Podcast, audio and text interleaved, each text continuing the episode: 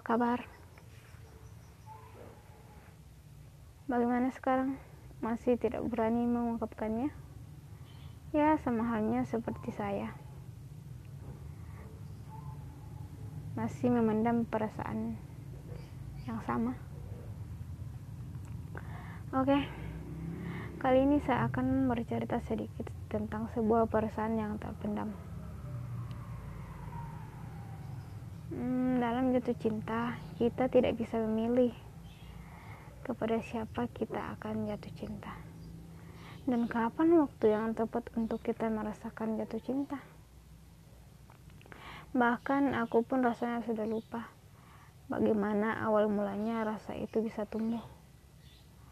Yang kuingat hanya rasa itu masih ada dan tetap tinggal bersamaku sampai saat ini.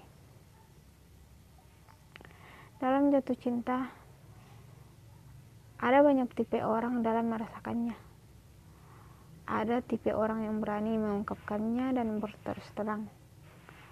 Ada pula sebaliknya, memilih untuk berdiam diri, berdiam untuk menahan semua perasaan yang dirasakan. Begitu pula dengan diriku. Aku lebih memilih untuk berdiam diri dan tidak mengatakan serta menahan semua apa yang aku rasakan.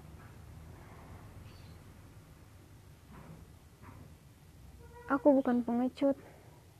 Aku hanya takut jika dia mengetahuinya. Sikap dia kepadaku pun akan berubah dari sebelumnya. Dan itulah hal yang paling tidak aku inginkan. Karena jujur saja, aku tak mudah mengatakan aku jatuh cinta. Aku tak mudah mengaku aku jatuh cinta. Dan aku juga tak mudah untuk jatuh cinta terhadap orang lain.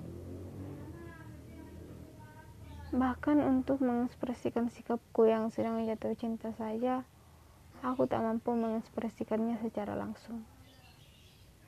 Aku akui, memang aku seorang pengecut yang tidak berani mengungkapkan apa yang aku rasakan selama ini terhadap dirinya.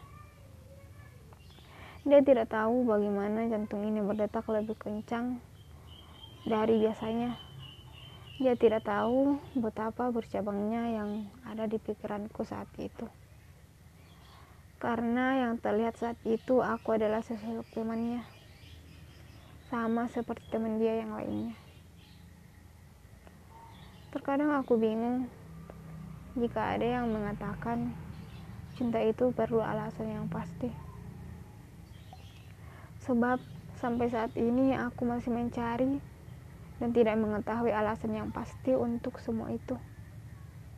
Aku tahu dia hanya sesosok lelaki biasa saja menurut sebagian orang. Namun tidak menurutku.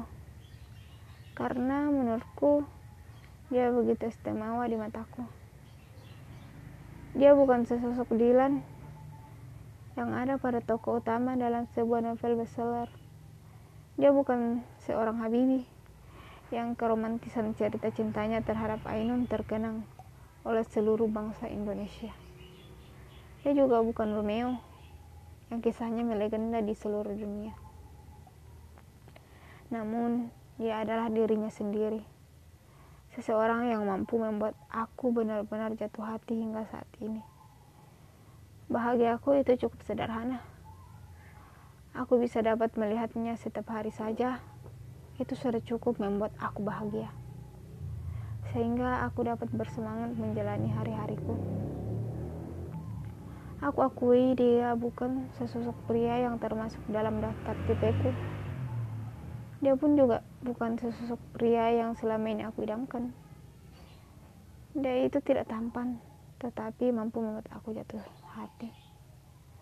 Dia itu tidak humoris, namun mampu membuat aku tertawa. Dia itu tidak romantis, namun mampu membuat aku bahagia. Dia itu tidak lemah lembut, tetapi mampu menenangkan dikala emosiku sedang berapi-api. Aku senang jika bertemu dengannya. Walaupun harus berpura-pura bersikap biasa saja, layaknya seorang teman di depan